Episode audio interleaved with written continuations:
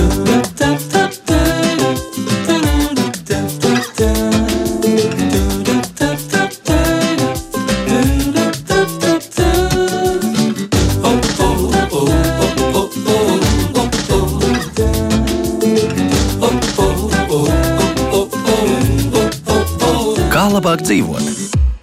Esiet sveicināti! Kristiāna Lapiņa ir tā, kas ar jums šobrīd runā. Esmu studijā. Pie skaņa pulca ir Ivita Zvejniece, bet raidījuma producente ir Loreta Bērziņa. Vai jūs zinājāt, ka tad, ja ir nokļuvis svešķermenis acī, ir jāuzliek pārsteigts abām acīm? Un tas ir būtiski tā iemesla dēļ, ka gaismas ietekmē uz veselo aci un arī uz cietušās acis zīlīti e, būs gaismas reakcija, zīlīte reaģēs tādējādi radot papildus bojājumu risku.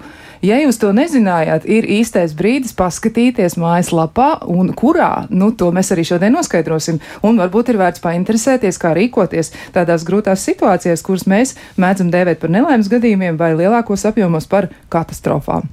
Nu, lūk, šodien runāsim par to, kur tad zvanīt, ja ir kaut kas noticis, kad zvanīt un uz kādiem numuriem, un vai mēs gadījumā nejaucam kādreiz 112 vai 113, un uh, uztraukums, protams, ir mūsu pavadonis grūtās situācijās, tāpēc būtu jāsagatavojas. Un labi, ja dzīvē nekas tāds nav nekad jādara, bet ja gadījumā ir kas noticis, tad tomēr būtu jāzina arī, kas tieši ir jādara. Nu, lūk, un uh, nu, tiešām gari nerunāsim, uzreiz arī stādīšu priekšā studijas viesus, un pie mums ir šodien studijā Mārtiņš Balts. Altmans valsts ugunsdzēsības un glābšanas dienesta priekšnieks Pulkvedis. Sveicināti! Sveicināti! Un vēl esam aicinājuši arī sarunā piedalīties neatliekamā medicīniskā palīdzības dienesta operatīvā vadības centra vadītājas vietnieci Diana Kačenko. Sveicināti! Labrīt! Nu, lūk, es sākšu ar aktuālo informāciju. Aizvadītajā diennaktī laika posmā no šī gada 1. augusta 6.30 līdz 2. augusta 6.30 valsts ugunsdzēsības un glābšanas dienests ir saņēmis 42 izsaukumus, 10 uz ugunsgrēku dzēšanu, 16 uz glābšanas darbiem, bet 16 izsaukumi bija maldinājumi. Jā, tā tas varētu būt. Varbūt mēs varam sākt ar šo. Nu, tiešām tā ir tāda ļoti nopietna statistika, ja, jo tas nozīmē milzīgu resursu patēriņu, un tas nozīmē arī to, ka cilvēki tika aizsūtīti vai aizbrauc uz vietām, kur būtībā nekas viņiem nebija jādara. Tas tā tiešām nu, milzīga resursu izšķērdēšana. Nu, tā varētu teikt, taču no otras puses, atkal varbūt pašā teiksim, šī zvana saņemšanas brīdī par notikumu.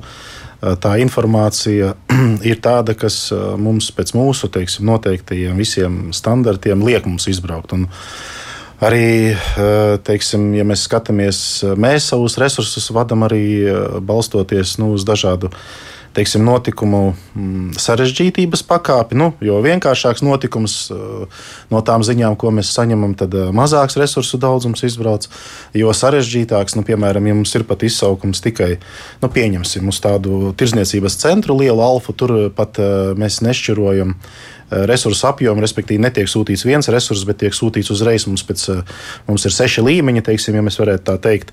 Tiek sūtīts gandrīz vai maksimālais resursu daudzums, Pat ja tur ir nostrādājusi, piemēram, automātiskā ugunsgrēka atklāšanas un trauksmes signalizācija, kas beigās varbūt izrādās, ka viņa ir kļūdaini nostrādājusi, un, tā, un tad viņš kļūst par maldinājumu. Teiksim. Bet tāpēc, ka tur ir vienkārši ļoti daudz cilvēku, tā ir publiska vieta, un, un tur var būt daudz ne tikai ar ugunsgrēku saistīta risinājuma, bet arī ar evakuāciju un visām tādām lietām, sadarbību ar administrāciju. Tāpēc uh, viņi tiek jau gradēti un viss jau, kā saka, mūsu zvanu apstrādes un resursu vadības cilvēkiem, kas ir tie 112 zvanu centra dispečeri, viņiem ir tādas rokas grāmatas, jau tā teikt. Reku ir tāds notikums, sūtam šeit. Nu, tādu daudzumu resursu. Ir tāds notikums, sūtām tādu, un tad ir konkrēti jau objektu saraksti. Piemēram, objekti, kuri nodarbojas ar bīstamām ķīmiskām vielām, vai, vai uh, tur ir kaut kāda ražošana, uh, un tā tālāk. Tur jau viņi ir tie paaugstinātie. Uh, mums bīstamības objekti, un uz tiem jau automātiski tiek sūtīts nu, kaut kāds resurss. Nu, un, protams, tur ir attiecīgi avārijas, jau tur noteikti specifiska varbūt tehnika. Un, un, un tad tālāk arī no notikuma rakstura uzreiz arī, ja mēs saņemam informāciju, mēs paši uzreiz automātiski arī informējam, piemēram, neatliekamās medicīniskās palīdzības dienestu, vai valsts policiju uzreiz, vai valsts vides dienestu, vai gāzes avārijas dienestu, vai sadales tīklus. Respektīvi, cilvēkam nav jāzvana tur visiem šiem dienestiem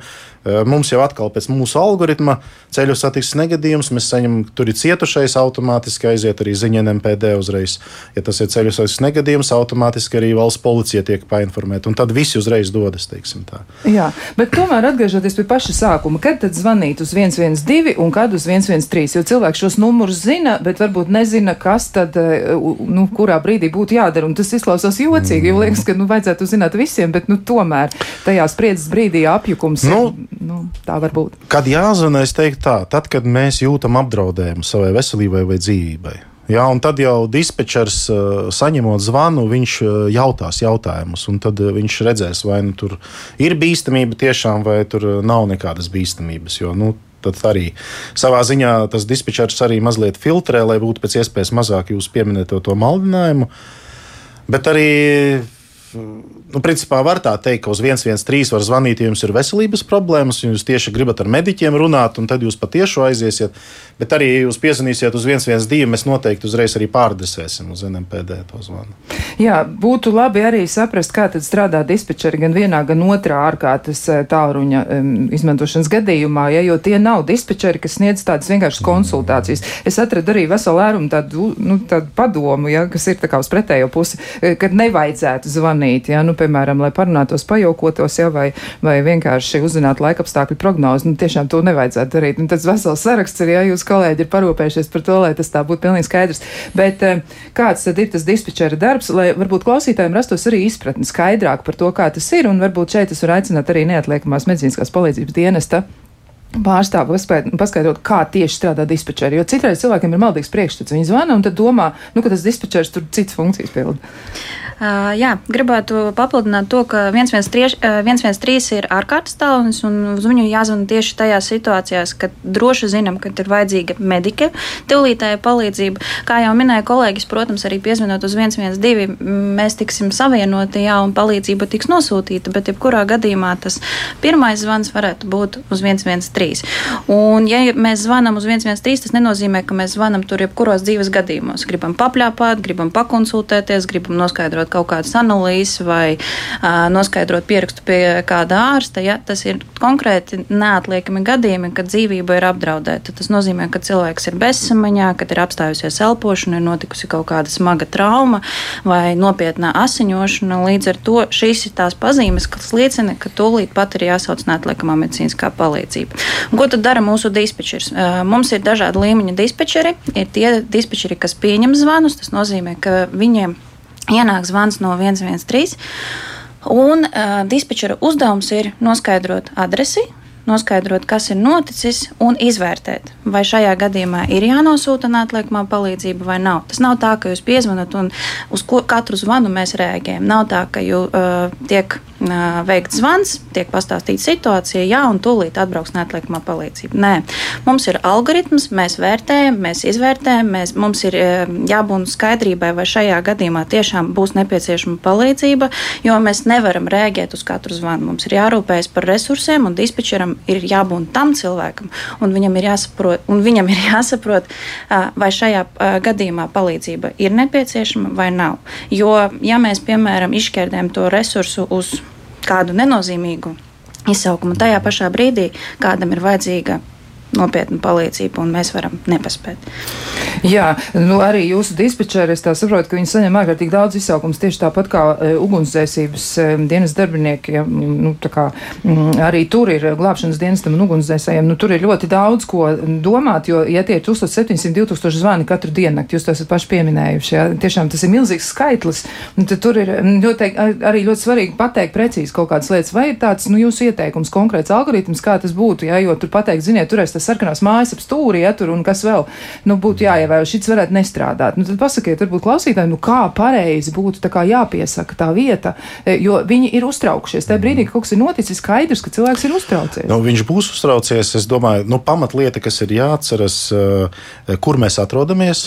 E, pat varbūt, ja mēs nezinām adresi, mēs kaut kādus lielus objektus varbūt atceramies, vai mēs braucot pa lielu ceļu, atceramies, starp kurām pilsētām mēs esam, piemēram. Nu, kaut kādus orientierus. Es domāju, tas ir viens no svarīgākajiem. Tad pats notikuma raksturs. Nu, viņš ir kaut kādā ziņā svarīgs. Ir jāpasaka, nu, vai nu tas ir ceļu satiksmes negadījums, vai nu ugunsgrēks, vai es redzu tvaikus. Bet tālāk jau principā arī dispečers ir apmācīts uh, izvaicāt teiksim, to, to cilvēku, ja arī viņš būs stresa stāvoklī. Galvenais es domāju, nenomierināties un klausīties to jautājumu un, un atbildēt uz to jautājumu. Bet pamatlieta, manuprāt, ir, kur mēs atrodamies un, un kas, tā, nu, kas būtībā ir noticis, vai ir cietušie, vai ir bojāgājušie, nu, nevis bojāgājušie, bet principā cilvēki varbūt kaut kur guļ vai iespiesti un tā tālāk. Bet es saku, uzved, tas dispečers jau jautās, to jautājumu viņš prasīs. Galvenais ir nomierināties un nestresot, kā citreiz publiski ir redzēts vai dzirdēts, pareizāk sakot, audio ieraksti, kur kur, kur teiksim, nu, ir, ir kaut kāds stress, šausmīgi liels, un tad tiek pārmests dispečeram, ko tu man šo jautāji, kāpēc jūs man šo jautājat, vai, vai tas atrodas tur. tur. Piemēram, jo arī varbūt, tas tāds, gribu teikt, varbūt mīts, ka uh, jūs piezvanot, piemēram, nezinu, no jaunpiebalgas, jums tur tuvākais kaut kāds dispečers tagad atbildēs. Eh, dispečeri principā mēs pieņemam, un arī saprotu, arī neatliekamās medicīniskās palīdzības dienas, visi zvani stāv rindā. Mums ir trīs zvanu centri kopumā. Un, un uh, zvanu, piemēram, no Daugopils var apstrādāt Rīgas dispečers. Ja? Tam nav nekādas nozīmes, jo algoritms visiem ir viens pēc tā notikuma.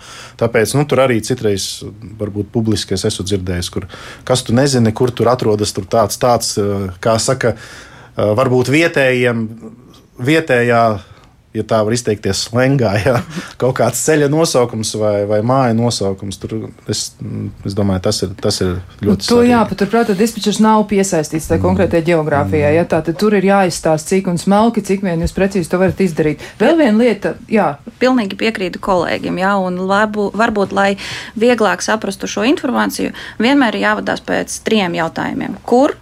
Kas un kam. Tas nozīmē, mēs gribam zināt, kur noticis notikus, notikums, kas ir noticis un kam ir nepieciešama palīdzība. Un līdzīgi kā VUKT kolēģiem, arī mūsu zvanu centri ir centralizēti. Tie ir tikai Rīgā un Daugopilī. Tas nozīmē, ka citās pilsētās, ja jūs piezvanīsiet, nebūs tā, ka mēs zināsim vietējo pagriezienu, vietējo veikalu vai kaut kādu apzīmējumu, ko zina tieši tās pilsētas iemītnieki. Līdz ar to ir jābūt saprotošiem un adrese ir jānoskai, jānosauc ļoti skaidri, nosaucot pilsētu, nosaucot ielu, nekliedzot, mierīgi izelpot, un tad nebūs problēmas arī izsaucējs. Viņš nepārdzīvos, kāpēc mani nesaprot, kāpēc mani nedzird, un arī dispečers šo izsaukumu apka, uh, noformēs daudz ātrāk un veiksmīgāk, un palīdzība nokļūs ātrāk. Jā, jūs arī teicāt, ja par tiem jautājumiem nav muļķīgu jautājumu, tad ir algoritms, ja, ko dispečers zina no galvas nakts vidū, un viņš to arī jautās. Tad nav muļķīgi jautājumi atbildām uz visiem jautājumiem.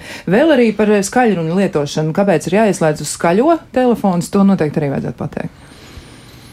Nu, principā tādu, tādu noteiktu šo rekomendāciju es nesu. Neatliekams medicīniskās palīdzības dienestam gan ir šāda rekomendācija. Jā. Jūs tā kā neuzstājat uz to, jā, bet kāpēc tas būtu labi? Nu, vai kāda ir iegūma? Varbūt ir vērts to paskaidrot tomēr. Uh, mēs uh, rekomendējam ieslēgt telefonu skaļrunu režīmā, jo tad paliek rokas brīvas ah. un tu vari sniegt palīdzību tajā brīdī cilvēkam. Jo ļoti bieži mums nāc, uh, nākas saskarties ar to, ka mēs uh, sniedzam palīdzību telefoniski līdz brigādes dodas uz notikumu vietu. Uh, notiek notiek reanimācija, notiek kaut kāda asiņošanas apstādināšana, vai bērnam ir krampi, tev ir jābūt brīvām rokām. Tu dzirdi, ko tev saka dispečers, un tu dari.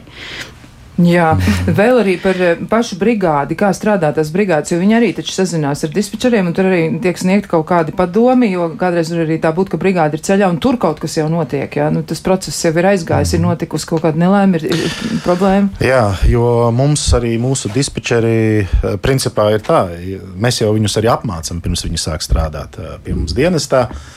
Ja tā tad, jo ir, viņi iegūst otro kvalifikācijas līmeni tieši šajā mūsu jomā. Uh, Un viņi nav tikai zvanu apstrāde, tā šī komunikācija ar, ar konkrētu, konkrētu iedzīvotāju, bet viņi arī ir resursu vadītāji. Attiecīgi, viņi gan papildus informāciju var noskaidrot, atzvanot vēlreiz eh, pieteicējiem notikuma un nodot šo informāciju uzreiz uz eh, to ekipāžu, kas dodas uz notikumu vietu, vai vairākām ekipāžām. Tātad visi, visi mēs strādājam vienā radiosakuru tīklā kopā ar RNPD un, un eh, ar, ar sadarbības kanāliem, un attiecīgi arī valsts policija turpat un robežsardze. Un, un, Tas ir viens teiksim, komunikācijas veids, bet vēl dispečeri arī vispār kopumā ar mūsu resursus vada. Tātad viņi uzreiz aizsūta, kā jau es minēju, pēc noteiktiem algoritmiem ir tāds notikums, brauc tie, ir tāds notikums, brauc tie. Un tālāk viņi komunicē vienmēr arī ar to ekipāžu, kas ir notikuma vietā. Piemēram, notikuma vietā ierodas mūsu ekipāža. Viņi saprot, ka ir vajadzīgs, piemēram, nezinu, valsts vides dienas. Viņi to informāciju nodod tālāk dispečerim. Dispečers tālāk iesaista uh, valsts vides dienas. Viņi saprot, ka ir vajadzīga evakuācija, tātad mums ir vajadzīga pašvaldība. Tātad dispečers sazinās ar pašvaldību, tālāk notiek atgriezniskā saite uz notikuma vietu. Tātad vienmēr notiek šī resursu vadība savā ziņā no dispečera. Tāpēc viņus apmāca gan zvanu apstrādē, gan arī mūsu specifikā resursu vadībā. Un visur ir nu, tādi algoritmi, kā jūs jau minējāt, mums tur nav daudz laika domāt. Notikums brauc tie. Informācija, zvanam tiem, viss ir sarakstos, kā saka, piefiksēts, un, un tur notiek nemitīga tāda komunikācija gan uh, gan, gan varbūt ar to pieteicēju no sākuma, un tad, ja vajadzīgs, tad, bet tad pēc tam visu notikumu viens dispečers visu laiku ir saziņā ar, ar to notikumu vietu, un tad viņš kā saka, pēc nepieciešamības vai pēc glābšanas eh, darba vadītāja tā, nu, teiksim, uzdevuma, viņš arī piesaista nepieciešamos resursus. Jā, kā nu, tāds ļoti atbildīgs, ārkārtīgi sarežģīts darbs. Eh, nu, konkrēts jautājums arī, kādas iespējas Latvijā ir sazvanīt bez SIM kartes, kādas numurs Latvijā, Eiropā vai ASV, jā, un ja ir gadījumā zudusi dzirde, nu, tad kādas būtu iespējas komunicēt, jā, ar, mm -hmm. nu, kādā veidā šis tiek risināts? Bez SIM kartes vispār jūs mierīgi varat sazvanīt 112 un 113. Ja jums nav SIM kartes, jūs sazvanīsieties tik un tā mums. Bet, eh, ja cilvēkam ir problēmas, viņš tiešām nedzird, ko darīt? Uh, nu, tad, ir, tad ir risinājums. Mums ir SMS uz 112, var sūtīt SMS izziņu un rakstīt vienkārši. Jā. Un tad ir saraksti jau ar dispečeri. Tur mums ir atsevišķa platforma, tad attiecīgi būs saziņa sarakstoties. Un tad nu, mums ir, protams, atsevišķa tā platforma veidota priekš cilvēkiem ar funkcionāliem traucējumiem, jo tur arī tajā mūsu datubāzē ir arī numuri ievadīti tiem cilvēkiem, kuriem ir nu, jau kā saka, cil, nu, kopš dzimšanas vai dzīves laikā šī, te, šī te funkcionālais traucējums. Un tad mēs redzam, vai tas ir konkrēti tas cilvēks, teiksim, vai, bet jā, ja, ja tajā brīdī kaut kas ir noticis, tad 112 īziņu rakstam vienkārši, un tur dispečers atpakaļ atbildēs, un varam tālāk rakstīt, eh, kas ir noticis. Nu, tā tad noteikti, ja nav simtkartes, neuztraucieties, jā. ja 112 vai 113 droši zvanāt, viss būs labi. Jā. Un vēl viena lieta, jā. ko es gribētu arī pateikt, nu, citreiz filmas varbūt cilvēks skatās, un viņi atcerās to 911, arī ja jūs piezvanīsiet 911, arī savienos īstenībā ar 112 ar mūsu uh, dispečeriem. Tā kā arī nu, jāizmirstās tas viens, viens, divi, kā mēs bērniem rādām, viena mute, viens deguns, divas, uh, divas acis. Uh, Tad arī filmās mēs atceramies, ka ir 911 arī tādā gadījumā mūsu savienos ar zvanu centru. Un mums ir ļoti Jā. veiksmīga sadarbība ar 112, līdz ar to visa nepieciešamā informācija, ja tajā gadījumā cilvēks ir uzrakstījis īziņu un viņam ir vajadzīga mediķu palīdzība, mm. mēs noteikti to zināsim un mēs arī nodosim to informāciju tālāk brigādē. Jo mūsu sadarbība ar mūsu neatliekamās palīdzības brigādēm ir tikpat cieša, mēs sekojam līdzi viņiem, mēs viņiem palīdzam uh, grūtos brīžos, kad viņiem, piemēram, paši ir apmaldījušies, ir nokļuvuši kaut kādā nezināmā nezināmā vietā, ko nepārzina šo reģionu. Mūsu resursu vadītājs, brigāžu vadības dispečers, viņš ir liels atbalsts brigādē. Viņi viņus redz GPS koordinētēs, kur viņi konkrēti atrodas kartē un var viņiem palīdzēt nokļūt pēc, pie pacienta pēc iespējas ātrāk, redzot un vadot viņu pa konkrētajiem ceļiem līdz tai adresē, kur viņam būtu jānonāk. Tas nozīmē, ka dispečers sniedz ļoti lielu atbalstu gan izsaucējiem, gan arī mūsu brigādēm. Nu, rekā. Mm, tad vēl arī ir tāds jautājums, vai strādā strādā sistēma, kas nosaka atrašanās vietu pēc mobilā telefona. Šeit ir domāts cietušais droši vien, ja tas cilvēks, kurš ir cietis jau ir tā notikuma vieta.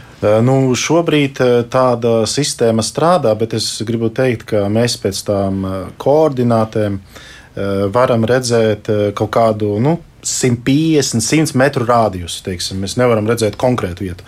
Bet pastāv iespēja, ja jūs izmantojat mana drošība aplikāciju, ir tāda aplikācija, viņu var lejupielādēt. Eh, tad attiecīgi tur var nosūtīt koordinātas, un tad mēs saņemam uzreiz koordinātas. Vai ja mēs zvanām no tās aplikācijas, kas ir mana drošība aplikācija, ja mēs zvanām, jo no viņas arī var piezvanīt uz 112 vai 113 vai 110, eh, ja mēs zvanām, tad automātiski koordinātas, jo aplikācijai pašai kā tādai viņa uh, tehniski, tīri tehniski spēja precīzāk noteikt to atrašanās vietu. Ja mēs zvanām vienkārši, mēs redzam tādu, nu, tādu apli kur tas aptuveni atrodas. Nu, tādā gadījumā arī ļoti labs rīks. Mana drošība. Jā, mana drošība. Mana drošība. Tā tad aplikācija ir vienkārši. Jā, jā, jā meklētājā rakstiet telefonu tajā veikalā, kā saka, mana drošība, un tad viņu lejupielādējot, tur gan koordinātas var nosūtīt, gan arī piezvanīt. Var. Un tur arī ir drošības padomju īstenībā. Ļoti laba lieta. Nu, te pie viena arī jautājums ir, ja kāda ir neatliekamās medicīnas palīdzības dienas pārstāvja domas par aplikāciju e-veselības punkts. Es nezinu, kāpēc šis jautājums ir, vai tas ir saistīts kaut kādā veidā ar jums? Jā, tas arī saistīts. Tā ir līdzīga aplikācija, kur mēs varam saņemt zvanus no viņas uz 113, un līdz ar to šādā, šī aplikācija arī automātiski mums nosūta koordinātas. Un, ja tiek zvanīts tieši no šīs aplikācijas, mēs automātiski saņemsim informāciju par izsaucēju, ja viņa ir ievadīta, un arī atrašanās vietu. Bet vēl var arī vienkārši atvērt Google karti uzspiest uz zilo, podzi, eh, zilo bumbulīti eh, divas sekundes ar pirkstu un parādīsies arī koordinātas.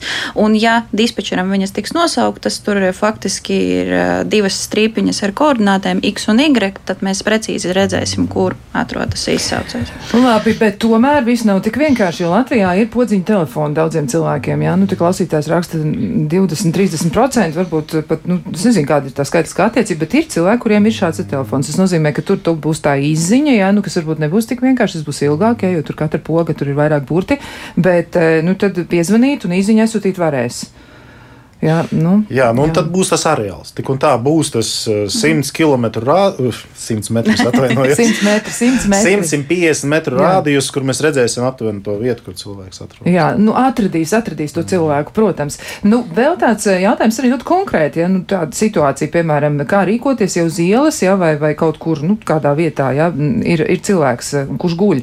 Un uh, šis, šis ir ļoti bieži uzdots jautājums, manuprāt, iespējams aprēbis, bet iespējams cits iemesls. Godīgi sakot, man negribētu gribētos pat domāt par tiem statistikas skaitļiem, cik ļoti daudz cilvēku pasaulē, un šeit arī Latvijā, aiziet bojā, piemēram, pēkšņas sirds katastrofas dēļ, piedzīvojot infarktu, un par viņiem kāds domā, ka viņi ir apreibuši. Šeit laikam nebūtu nozīmes par to, vai viņš ir apreibis vai ir kāds cits iemesls. Kā ir jārīkojas, ja mēs redzam guļošu cilvēku? Noteikti ir jāpienāk klāt. Nedrīkst pamest cilvēku, jo bieži vien mēs saņemam tādus zvanus, ka, jā, šeit bija cilvēks, viņš ir gulējis tur tādā un tādā krustojumā, bet es esmu jau projām, esmu jau mājās, vai esmu vilcienā vai autobusā procesā. Noteikti viennozīmīgi ir jāpaliek blakus, ir jāpienāk, ir jāsaprot, vai cilvēks ir samaņā vai bezsamaņā. Ļoti vienkārši uzrunājot vai paraustoties pleca. Arī uzrunu, ja viņš atsaucas, ja viņš paver acis vai mazliet pakustinās, tas nozīmē, ka viņš uz jums rēģē, viņš ir samaņā. Jā.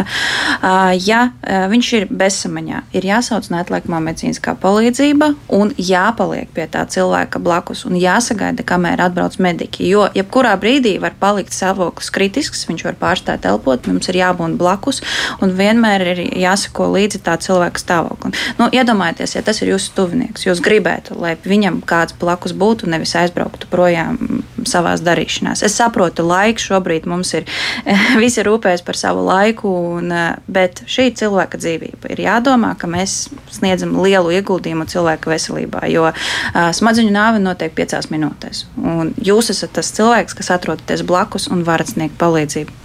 Jā, mums ir kāds klausītājs zvans. Mēs klausāmies, lūdzu. Eh, halo? Jā, mēs jūs dzirdām, lūdzu. Labdien! Nē, gribēju pajautāt, varbūt jau izskanēja, nedzirdēju visu raidījumu, bet nu, tas nesen paziņa sauc ātros, prasa, kāda jums ir radniecība, nu kāds tur ir, kāds tur ir tā jēga, nu tam. Kāda radniecība ar to cietušo, nu jautā? Paldies par jautājumu. Tūlīt tad arī atbildēsim, kāda ir jēga šim jautājumam. Jā, ne, neviens jautājums, ko uzdod dispečers, nav liekas. Uh, tas nozīmē, ja mēs jautājam, kāda ir ratniecība, mēs gribam saprast, vai cilvēks būs spējīgs sniegt palīdzību, piemēram, re, ja būs nepieciešama reanimācija. Ja, ja tas ir kaimiņš, tā varbūtība kļūst ar vien mazāka. Ja tas ir brālis, ja tā ir sieva, vēl kaut kā tā uh, varbūtība, ka tiks sniegta reanimācijas palīdzība, paliek augstāka. Un, ja, piemēram, uh, tiek uh, atkārtoti veikts zvans pie šī cilvēka. Mēs redzam, ka uh, izsaukumus arī iepriekšējās izsaukumus um, pēdējo 72 stundu laikā mēs redzam, ka iepriekš tur ir saucis, piemēram, radinieks, pirms tam ir saucis draugs. Šī informācija ir svarīga tieši komunikācijā ar tiem cilvēkiem un arī palīdzības sniegšanā. Jā, nu tā tad jāatbild ir uz šo jautājumu. Tas ir skaidrs, arī tas ir nepieciešams. Nu, šai, šīm informācija ir vajadzīga. Jā, mums jautājumi aizvien vairāk un vairāk. Nu, arī mēs ceram, ka izstrādātāji dzirdēs šo te, jo diezgan daudz klausītāji atzīmē par um, tieši konkrēti izstrādātajām versijām. Ja, kā aplikācija man drošība nav iespējams ielādēt tālrunī, jo tiek uzrakstīts, ka lietotne ir izstrādāta vecākai Android versijai. Un vai problēma ir tālrunī? Ja, tas ir viens vien klausītāja jautājums. Un arī, piemēram, par aplikācijām vietpūksteņiem, kur cilvēki ar veselības problēmām var iestatīt sirdsapziņu sadarbības problēmu gadījumā automātisku paziņojumu neatliekamajai palīdzībai. Kā pašlaik rēģē uz šādiem paziņojumiem, ja cietušais ar pulksteni nokrīt un izsūtās tas paziņojums? Nu, vienkārši viņš aiziet nu, pats no sevis. Mm, ja godīgi uz 113 mēs nesaņemam nekādus paziņojumus no vietāluņiem vai vietpulksteņiem, ja šie ziņojumi vairāk, um, cik es zinu, nonāk pie 112. Jā, to, tad, tad, tad tur tā ir. Bet nu, jūs jau izstāstījāt, ja pašā sākumā jūs teicāt ja, par to, ka jūs tik un tā reaģējat. Jā, jā, jā, un tad vēl ir arī e-kols arī īstenībā, kas ir arī mašīnām, piemēram, no avārijām, bet uh, tur arī tas, ko mēs novērojam, ir tā, ka ir maldinājumi, tā, kur netīšām vai nu piespiežas, vai, vai, vai nu, tas signāls atnāk, bet avārija nav notikusi. Bet laikam jau tomēr labāk ir lieki aizbraukt, vai ne, nu, nekā, nekā neaizbraukt. Kaut kur, jābrauc, Tieši tā, tāpēc arī jābrauc. Jā, mēs vēl daudz ko mēģināsim pētīt un runāsim par šīm lietām, bet to mēs darīsim pēc īsa brīža. Kā labāk dzīvot? Turpinām sarunu par to, kā rīkoties katastrofa vai ārkārtas situācija gadījumos un eh, kur ir jāzvana. Un atgādināšu tālruņa numuri, uz kuriem ir jāzvana. Šādās situācijās ir 112 un 113. Un ceram arī, ka klausītāji jau šajā brīdī ir sapratuši, ka gan zvanot uz vienu, gan uz otru situācija tiks risināta. Tomēr ir vērts atgādināt, ka uz 112 mēs zvanām tad Tad, kad ir eh, jebkāds apdraudējums veselībai vai dzīvībai. Jebkāds apdraudējums veselībai vai dzīvībai, un uz 113 Tad, mēs zvanām. nepieciešama tieši medicīniskā palīdzība. Tieši tā, medicīniskā palīdzība. Un ļoti viegli arī atcerēties, ja 112 tā tad ir viena mute, viens deguns un divas acis, par 113 mums vēl jāizdomā, ja, ko mēs varētu Nāksies domāt.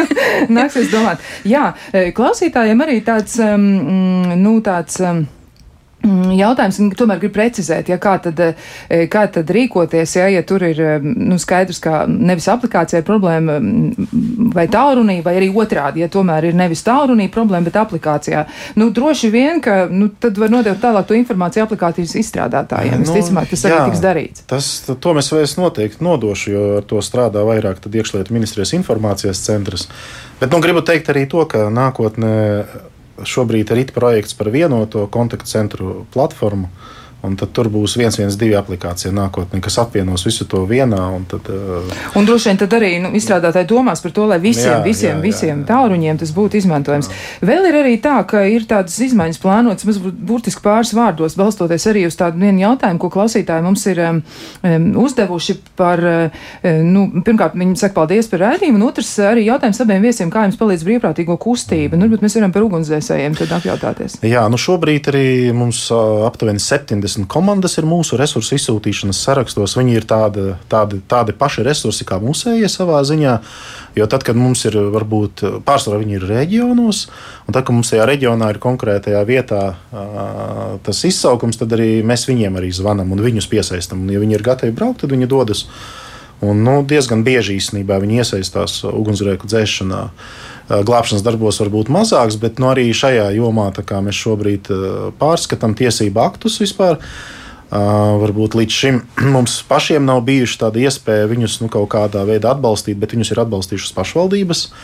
Bet nu, nākotnē, balstoties uz riska novērtēšanas rezultātiem, tajās vietās, kur šie riski nav tik lieli, attiecīgi arī viņiem kvalifikācija būs mazāka. Tad mēs kā, kopā ar pašvaldību ejam uz to, ka mēs varētu maksāt viņiem kompensāciju par to, ja viņi piedalās šajā ugunsgrēku dzēšanā, izņemot elpošanai nepiemērotu vidi, jo tur atkal gan tās kvalifikācijas prasības, gan veselības fiziskās sagatavotības prasības ir augstākas. Gan arī preventīvajā darbā mēs saredzam viņu ieguldījumu, dodoties pie maisaimniecībām, arī mūsu izstrādātajiem materiāliem, runājot ar iedzīvotājiem par drošību kā tādu. Un, un, un tad arī, protams, visa tā šobrīd mēs arī atsavinam uh, savu tehniku, varbūt kas nav. Mums, ienākot jaunajai tehnikai, mums, teiksim, ir daļa, kas norakstās vienkārši, kuru vairs nevar izmantot, bet ir daļa, kuru vēl var lietot, un tad mēs viņu atsevinam. Tad arī šobrīd nu, pašvaldības piesakās vai biedrības šīs brīvprātīgo piesakās uz šo tehniku, un viņi nu, bez maksas tiek atdoti viņiem. Un arī turpmāk mēs to gribam darīt. Teiksim, ja viss izdosies mums ar mūsu transporta vienību iegādēm, pagaidām viss iet ļoti labi. Tad mēs vairāk kā 70 mašīnas uh, varēsim arī turpmāk, nākošajos trijos gados nodot brīvprātīgiem. Uh, Cerams, arī ar visu šo tiesību aktu izmaiņu mēs varēsim, mēs varēsim attīstīt vairāk šo kustību tieši tajos reģionos, bet vēl par brīvprātīgiem es gribu teikt, kā mums bija arī uzdots, piemēram, Ukrainas civiliedzīvotāju atbalsts. Tad tur mums brīvprātīgie daudz palīdzēja arī vispār kopumā. Ne mums tikai, bet arī pašvaldībām. Ar dažādām savām iniciatīvām. Es atceros, kad mums arī bija pienākumi epidēmijā, kad bija šis SARS-CoV-2. Tad arī brīvprātīgo bija daudz, kur mēs sadarbojamies gan ar Latvijas sarkano krustu samāriešu apvienību un vēl daudzām citām biedrībām. Tā kā sabiedrība, es gribēju teikt, Latvijā ir gan aktīva un ir gatava iesaistīties un palīdzēt arī varbūt. Uh, nu, tiem, kas ikdienā ar to nodarbojas, un, un mūs, mums viņu atbalsts noteikti ir uh, svarīgs. Jā, nu, paldies par uh, informāciju. Tiešām arī tāda, nu, droši vien, ka tie cilvēki, kas nav ikdienā ar to bijuši saistīti, un par laimi varbūt arī tā ir noticis, un cerams, ka lielai daļai arī nekad nenāksies ar to saskarties, bet tomēr ir labi zināt, ka ir aktīvi cilvēki, ir ļoti, ļoti plaši sazarot šī kustība, ja, un tas nav tikai par oficiālu dienestu, ja, bet tas ir arī par brīvprātīgiem. Savukārt par mediķiem runājot, tur varētu būt, viss nebūtu tik vienkārši, ja, jo medicīniskās palīdzības sniegšana varbūt tādā ļoti, ļoti grūtā situācijā, kur ir dzīvības apdraudējums, un tomēr ir jāzina lietas. Nu, tā, nu, ļoti, ļoti, es negribu teikt, ka glābējiem ugunsdzēsiem kaut kas nebūtu jāzina, tā nebūtu taisnība. Bet eh, šeit varbūt ir kaut kāda sava specifika, ja, un, un savukārt jūsu dienas, nu, varbūt uz brīvprātīgiem tik ļoti nevar paļauties. Es gribētu teikt, ka jebkurš ir brīvprātīgais, kurš pārzina pirmā palīdzību. nu, tas būtu tas, kas jābūt katram jāapgūst. Jā, līdz ar to pirmās palīdzības zināšanas vienmēr ir jāpapildina, viņas ir jāatkārto, lai nepieciešamības gadījumā būtu, jā, lai cilvēki zina, kas būtu jādara, bet piezvanot arī uz 113, ja ir nepieciešamība, ja ir nepieciešama sniegt kaut kādu palīdzību, tad dispečers vai ārsts konsultants vienalga sniegs atbalstu un palīdzēs sniegt tos pirmās palīdzības. Posmus, kas ir jāsniedz, lai cilvēka dzīvība būtu saglabāta. Jā, es paskatījos arī jūsu mājaslapā tieši un izpētīju, ka tur ir ļoti, ļoti saprotamā veidā, ļoti lakoniski, vienlaiks ļoti precīzi aprakstīti algoritmi, kas ir nu, tādi aktuāli katrā konkrētā gadījumā. Ko jūs varētu ieteikt iedzīvotājiem, kur viņiem būtu jāskatās, un tad varbūt sniedziet šo informāciju no savas puses, kur viņiem skatīties. Tātad viņi atver jūsu mājaslapu. Jā, un mūsu mājaslapā ir arī norādīta pirmās palīdzības padome, un arī ir aprakstītas situācijas, kad ir jāsauc neatliekamā medicīniskā palīdzība. Jeb tur ir saraksts kad kādā gadījumā palīdzība ir jāsauc, vai kādā gadījumā ir jāvēršās pie citiem speciālistiem, pie ģimenes ārstiem vai arī pie dežūrārstiem.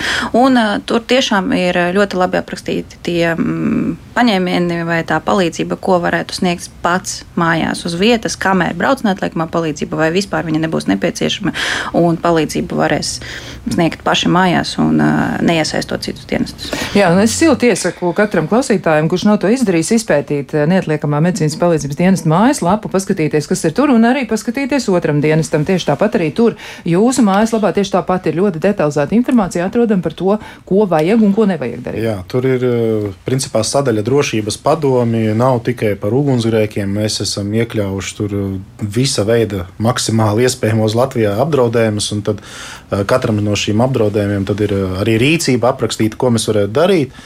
Uh, un vēl plus tur ir, uh, teiksim, mēs varam redzēt atsauci teiksim, uz dažādām vidēm, Nu, piemēram, atrodoties pie ūdens, kā mums vajadzētu rīkoties, atrodoties dabā, atpūtā. Tad tur pat īstenībā mūsu mājaslapā ir arī mācību materiāli vispārējais izglītības nu, skolām paredzēti, ko jebkurš skolotājs var paņemt un izmantot un par drošību īstenībā stāstīt savā, savai klasē. Respektīvi, tur ir sagatavotas prezentācijas arī ar aprakstošajām daļām, prezentāciju, ko ir jāstāsta. Un tāpat ir arī atse, at, nu, teiksim, hipersaites vai ir atrodams šie bukleti, kur ir, vai tu zini, kā rīkoties ārkārtas gadījumā kur starp citu arī pēdējā atvērumā ir īsa, īsa ļoti pamācība pirmajā palīdzībā ar hipersaiti uz neatliekamās medicīniskās palīdzības dienesta mājaslapu. Uh, un, un tā tad tur, tur arī var lejupielādēt šo bukletu, ja kāds grib viņu iegūt papīra formātā. Mēs viņu caur pašvaldību valsts institūcijām dalām un visu kaut kur nesam, kur vien iespējams pilsētas svētkos un dalām. Tā kā to var arī vienkārši ģimene pārunāt ar, ar radiniekiem par, par to pamatlietām, kas būtu jādara. Un, un, un kāda būs evakuācijas kārtība, kā apziņosim, un tā tālāk. Un tā joprojām. Jā, tiešām jāatzīst arī, ka ļoti, ļoti lakoniski jā, ir iedzīvotāju brīdināšana, piemēram, par to, kā es uzzināšu, ka man draud briesmas, jā, tad arī ir ļoti skaidri pateikts, kā tas būs, jā, jo būs nu, sirēna, un tā ir dzirdama apmēram pusotra kilometra rādījusā, tātad to varēs sadzirdēt. Jā, un tas būs brīdinājums, ja, piemēram, būs ārkārtas situācija, jā, un tā trauksme, nu tā noteikti kaut ko nozīmē. Pie tam te ir arī minēts, ja kas tad ir tie pārējie piesaistīties spēlētāji, tā sakot, jā, ja tie informācijas devēji, un kādos gadījumos e, tad būtu tas jādara. Ja nekādā gadījumā neslēdzam ārā, klausāmies, kas tur notiek, un klausāmies norādījumus, kādi tiek doti. Starp citu, vai jūs esat arī domājuši varbūt vairāk par to, ka informēt vajadzētu cilvēks arī par nu, tā, tā kā civilās aizsardzības sadaļu, ja, jo nu, militāra rakstura apdraudējumi mēs ar tiem ar vien vairāk saskaramies, draudu pasaulē šķiet, ka pieņems spēkā, un droši vien, cilvēkiem arī par to kaut kas būtu jāzina. Nu, principā mēs ar šo gadu sāksim, sāksim sāksim vēl vienu papildus kampaņu. Varbūt pirms tam mums nebija, bet mums būs kampaņa par civilo aizsardzību. Arī mūsu mājaslapā ir atsevišķa sadaļa civilā aizsardzība, kur var nu, diezgan daudz informācijas iegūt. Bet mēs arī 21. gada beigās veicām tādu aptauju iedzīvotājiem, kur mēs jautājām, kā viņi jūtas, vai viņi zina, kā rīkoties dažādos apdraudējumos, nu, lai saprastu. Uh, Un, un, ja, piemēram, par ugunsgrēku dzēšanu, nu, ka viņi jūt, ka viņi zinātu, kā rīkoties nevis ugunsgrēku dzēšanā, bet ugunsgrēku gadījumā, pareizāk sakot.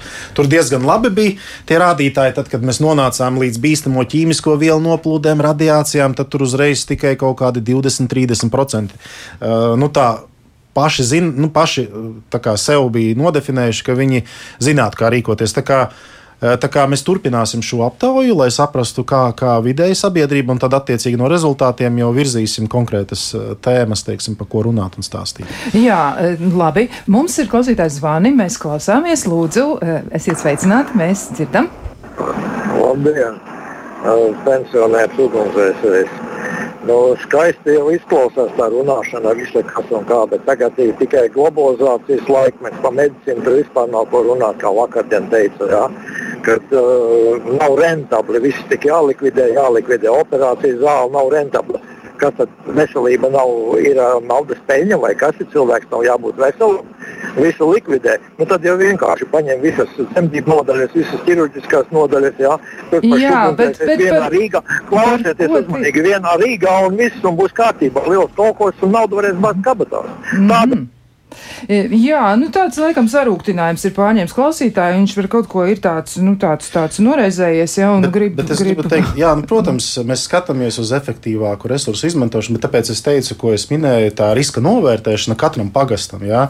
Uh, tad arī ir tas, man, mūsuprāt, tas risinājums, kad mēs skatāmies uz datiem. Uh, un, un uh, īsnībā šie dati parāda, ka nemaz tik daudz struktūrienību mums nav, kas mums būtu jāoptimizē. Īsnībā mums tikai divas struktūrienības un parādās, kur mums vajag papildus, bet arī viņi vienlaikus mums parāda, kurās vietās varētu būt brīvprātīgi ugunsdzēsēji, kā jau minēju, ar mazāku kvalifikāciju, ar mazāku aprīkojumu, lai mazākus uzdevumus veiktu, jo gluži vienkārši tādi sarežģītāki notikumi tur nenotiek. Nu, un, un Jā. tāpēc balstīt to resursu teiksim, plānošanu uz, uz, uz riska novērtējumas rezultātiem. Jā, tas ir prātīgi darīt šādā veidā. Ir vēl kāds klausītājs zvans. Eh, mēs Labdien. klausāmies, lūdzu. Jā, mēs jūs dzirdam. Vienmēr sakot, eh, protams, liels pateicība citiem drošīgajiem cilvēkiem, mediķiem un, un ugunsdzēsējiem. Es gribēju teikt to, ka nevienmēr ir iespējams to situāciju izvērtēt, cik ir nopietna. Es pirms dažiem gadiem piedzīvoju traģisku stāvokli, kad gandrīz aizgāja bojā tikai tāpēc, ka medicīniskais dispečers tur, nu, vienā sakot, īsais variants. Pēkšņi sāk satīt grūdas, pamodos otrā rītā, jūtu, ka galīgi nav laba diena pazudusi. Izmērīju temperatūru 40 grādus, zvanu uz ātrā palīdzību. Tur, nu, paņemiet kādu tablets. Es ne, neatkāpos, tad iedevu man konsultantu, mēs pusstundu rējāmies, beigās pateicu, labi, aizbrauksim, jūs samaksāsiet. Es, es teicu, es samaksāšu, atbraucu jaunu čaļu, redzēju, ka kaut kas man nav labi, atkal pateicu, paņemiet tablets, ejiet uz polikliniku. Es atkal uz pusdienu iekļuvu Nemaņā, pēc tam aizgāju uz polikliniku, tur, tur es nevienam nebiju vajadzīgs, nejauši uzskrēju māsiņu kas bija ļoti dusmīgi, var raidīt projām, bet tad viņi redzēja, ka man nav labi. Tad viņi tomēr atrada ārstu, kas momentāli izsauca ātrā palīdzību. Es atkal atslēdzos, nokļuvu slimnīcā. Izrādījās, ka man ir reta baktērija, sepsē nokļuva. Ja? Vienmēr sakot, pēc tam eh, temperatūra ilgi mocījos. Un, uh, vienmēr sakot, iznāca tā, ka knapi izglābos. Tāpēc es gribētu tomēr ieteikt, sevišķi, ja cilvēks ir viens un vecāks, kādreiz apdomāt, varbūt tomēr atbraukt. Un varbūt ne to bonzu uz ielas glābt, bet atbraukt un paskatīties, varbūt tiešām kaut kas. Es biju ļoti pārskaities, es domāju, nu tad iešu un izrādīšu to visu to būtu, bet beigās sapratu, nu ko es tur varu darīt. Un vienmēr sakot, lūgums ir viens. Katra situācija izvērtējiet. Varbūt aizlauciet liekreiz, bet varbūt cilvēkam izglābtiet dzīvību. To es gribēju teikt. Paldies jums! Paldies klausītājiem par zvanu. Jā, nu šis ir ļoti nopietns un ārkārtīgi traģisks gadījums. Un eh, nu, tiešām jāpriecājas, ka mums izdodas dzirdēt viņa balsi, un viņš joprojām ir ar mums. Un tas ir atrisinājies ļoti, ļoti nelāgi, ka bija tik ļoti smagām situācijām jāiet cauri patiešām. Bet es ticu, ka tas ir noteikti ņemts vērā un jūs mēģināt eh, šīs lietas risināt. Jā, viennozīmīgi. Un katrs gadījums ir jāsaprot, ka ir individuāls un ne katra temperatūra var uh, novest līdz šādai situācijai, kā ir mūsu zvanītājiem. Ja? Bet, ja ir šaubas, zvanīt vai nezvanīt uz neatliekamo palīdzību un vajag vai nevajag, tad noteikti ir jāzvana. Ir jāzvana un dispečers uzdodot konkrētus jautājumus, vadoties pēc algoritma, viņš izvērtēs to stāvokli un ņems vērā visu, ko zvanītājs ir teicis, gan arī tos simptomus, gan arī situāciju, gan ka viņš ir viens un arī vecumu un dzimums arī mums ir svarīgs, jo dažas saslimšanas ir vairāk attiecināmas sievietēm un vairāk, dažas vairāk attiecināmas vīriešiem. Ja? Līdz ar to šis viss ir noteikti vērā ņemams un paldies, ka dalījāties. Jā, tieši tā, noteikti vajag dalīties, jo jebkura dienesta darba, jebkuras institūcijas, organizācijas darbu uzlabo tas, ka cilvēki dalās ar savu pieredzi, un pat ja tā ir negatīva, un pat ja tā ir tiešām tāda ļoti, ļoti nopietna, es gribētu aicināt klausītājs, esiet aktīvi, jo jums ir jārūpēs par sevi, un tiešām nebaidieties, runājiet, sāstiet, kā ir. Jā, citreiz ir ļoti grūtas situācijas, tās ir jārisina, un dienestiem arī tas ir jādzird, tā kā visi kopā tikai mēs varēsim paveikt kaut ko labu. Bet ir vēl kāds klausītājs zvans. Sveicināt, mēs jūs klausāmies, lūdzu. Uh, labdien, šeit. À, es runāju, jā, labi. Uh, skaidrs, pastāstiet, lūdzu, piemēram, tagad, ja man būtu policija jāpiesauc, es neatceros to numuru. Dariet, ko ziniet, piedodiet, lūdzu. Un pa, pa gāzi, pa gāzi man ir gadījies iet garām uzņēmumam, kur es jūtu gāzes smaku, un man jāpiezvana. Tie vēl tādi divi kaut kādi numuriņi ir. Paldies, jā. Mēs noteikti tūliņ arī precizēsim. Paldies klausītājiem par jautājumu. Nu tad vēlreiz, nu vēlreiz atgādinām, ja par ja, ko ja, ja arī vajag valsts policiju vai vajag gāzes avārijas dienestu, noteikti var zvanīt 112 un mēs savienosim. Un, principā, tūlīt mēs arī apstrādāsim šo policijas, teiksim, zvanu Un, un mēs tāpat nodosim arī, uzreiz policijai izpildīt. Jā, un tāpat tā. arī par gāzes smaku. Ja? Arī tā. tas ir ļoti bīstami. Ja? Patiešām tā tas ir. Un ir arī tādi gadījumi dzirdēti, ja, kur cilvēki ir izglābuši ja, citus no e, eksplozijas un ārkārtīgi traģiskām sekām tieši tā iemesla dēļ, ka tomēr tā gāzes smaka ir sajūta, cilvēks ir zvanījis. Tas ir labi.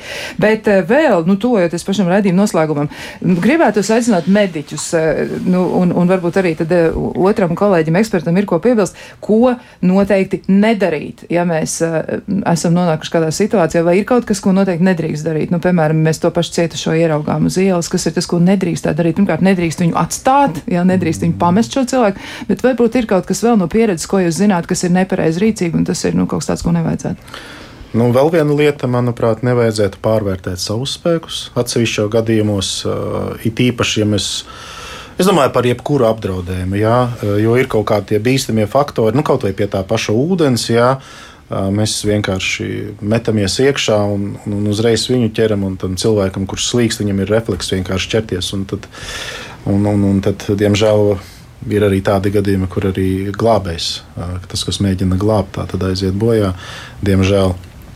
Es domāju, tas ir viens un arī kopumā tā pārvērtēšana nevienmēr mums vajag uzreiz ķert varbūt ugunsdzēsības aparātu un skriet klāt un, un dzēst. Ja mēs jūtamies, ka mēs to varam darīt, varbūt mums pat ir bijusi kaut kāda praktiska, praktiska nodarbība šajā visā jomā, un mēs to esam darījuši, tad mēs to darām. Bet, ja mēs nejūtamies pārliecināti, ka, ka mēs to varam izdarīt, tad, tad labāk iet projām no šiem bīstamiem faktoriem, kas, kas vienkārši ir pastāv. Teiksim, es domāju, tas arī ir svarīgi. Jā, un... Nevajag krist panikā. Viennozīmīgi es saprotu, ka tas ir grūti, ir stresa situācija, bet ielpa izelpa. Mm. Un tajā brīdī jūs fokusēties. Jūs varēsiet piezvanot uz kādu no ārkārtas tālruņiem, jūs varēsiet saprast, ko jums saka dispečers. Nebūs kliekšana, nebūs steigšanās, mierīgi nosaucot adresi bez kliekšanas, jo, kad zvana telefonā, tas kliedziens ir tik neskaidrs, un mēs zaudējam tās sekundes un laiku, lai vēlreiz pārjautātu, vēlreiz precizētu, bet, ja mierīgā balsī ļoti nosvērts skaidri Rīga, tāda, tāda iela, tāds mājas numurs. Viss dispečers jau zina adresi, brigāde jau tiek nosūtīta. Bet tur ir vienas zāles pret to stresu un tādu uztraukumu. Tā zāle ir ļoti vienkārša. Šodien atvērt bukletu vai mājaslapu un izlasīt. Nē, nopietni saku, tas cilvēks izlasot vienreiz, varbūt divreiz, varbūt pārunājot pat ar saviem radniekiem, tas viņam kaut kur nosēžas atmiņā un ir tāds tad, kad pienāk tā situācija, ir tāda bišķīt mierīgāka tā sajūta, jo à, tur bija tā zvanīt, tā tur darīt tā. Pamatlietiņas īstenībā jau arī jūs kā minējāt, šie bukleti un šī informācija ir maksimāli vienkārši rakstāma. Lai nebūtu sarežģīti gari teikumi, maksimāli īsa informācija, lai viņa kaut kur mums, kā saka, aizķerās, eh, un, un, un tad, kad tā pienāk situācija, tad noteikti tas palīdz eh, Tieši mazināt tā. to uztraukumu. Tas paliek atmiņā, tu kaut kur to esi jau lasījis, mm. redzējis, un nākamreiz, kad tev viņu vajadzēs jau pielietot, ceru, ka, protams, nevajadzēs, bet uh, tu atceries, kas ir jādara. Jā, tieši tā arī starp citu šodien ņemot vērā to, ka ciklons uh, iet pāri Latvijai, te ir arī informācija par to, kā jārīkojas negaisa laikā, un arī tas ir svarīgi, un ir tā dziesma, jā, kā, ko nedrīkst darīt negaisa laikā, šeit ir uzskaitīts. Būtu vērts ar to iepazīties, jo patiesi nevajadzētu novietot mašīnu zem kokiem vai nevajadzētu iet lieki ārā, un tomēr ir par to jāpadomā. Un gal galā jūs mājā nav zibens novadīšanas iekārta, un varbūt, ka ir vērts beidzot to ierīkot. Un uh, mums tāda piezīme, ka nevajag tautu taisīt, ļoti skarbi uzrakstīts par idiotiem. Noteikti mēs neko tam līdzīgi nedarām nedarām. Mēs vienkārši skaidri saprotam, mēs vairāk to saprotam eksperti, ka cilvēki katastrofas vai nelaimes brīdī ir ļoti, ļoti uztraukšies. Un tāpēc arī ir tā, ka ir jāatgādina, it kā šķietam ļoti vienkāršas lietas, bet mēs ceram, ka nelaimes nenotiks, izdosies no tām izvairīties un iepriekš jau tiešām izlasām bukletu, iepazīstamies ar to, ko varam darīt paši, un tad jau arī e, daudz ko izdosies novērst jau iepriekš, pirms vispār kaut kāda nelaime būs, nu tā tiešām uzskārusi. Nu, lūk, šajā brīdī gribu teikt milzīgi paldies gan Mārtiņam Baltmanim, valsts ugunsdzēsības un glābšanas dienesta priekšniekam, pulkvedim, gan arī Neatliekamās medicīnas palīdzības dienesta operatīvā vadības centra vadītāja vietniecei Diānai Kačenko. Ļoti lielu paldies saku arī klausītājiem, kur bija kopā ar mums. Mēs ceram no sirds, ka jums nenotiks nekādas nelāgas lietas un ka visiem būs izdevusies un jauka diena. Un to pašu mēs novēlam arī sev gan Iveta Zvēnies, kur ir pie skaņu pults, gan arī Loreta Bērziņa, raidījuma producenti un arī es, Kristiāna Lapiņa. Lai jums skaista diena un tiekamies atkal citu reizi!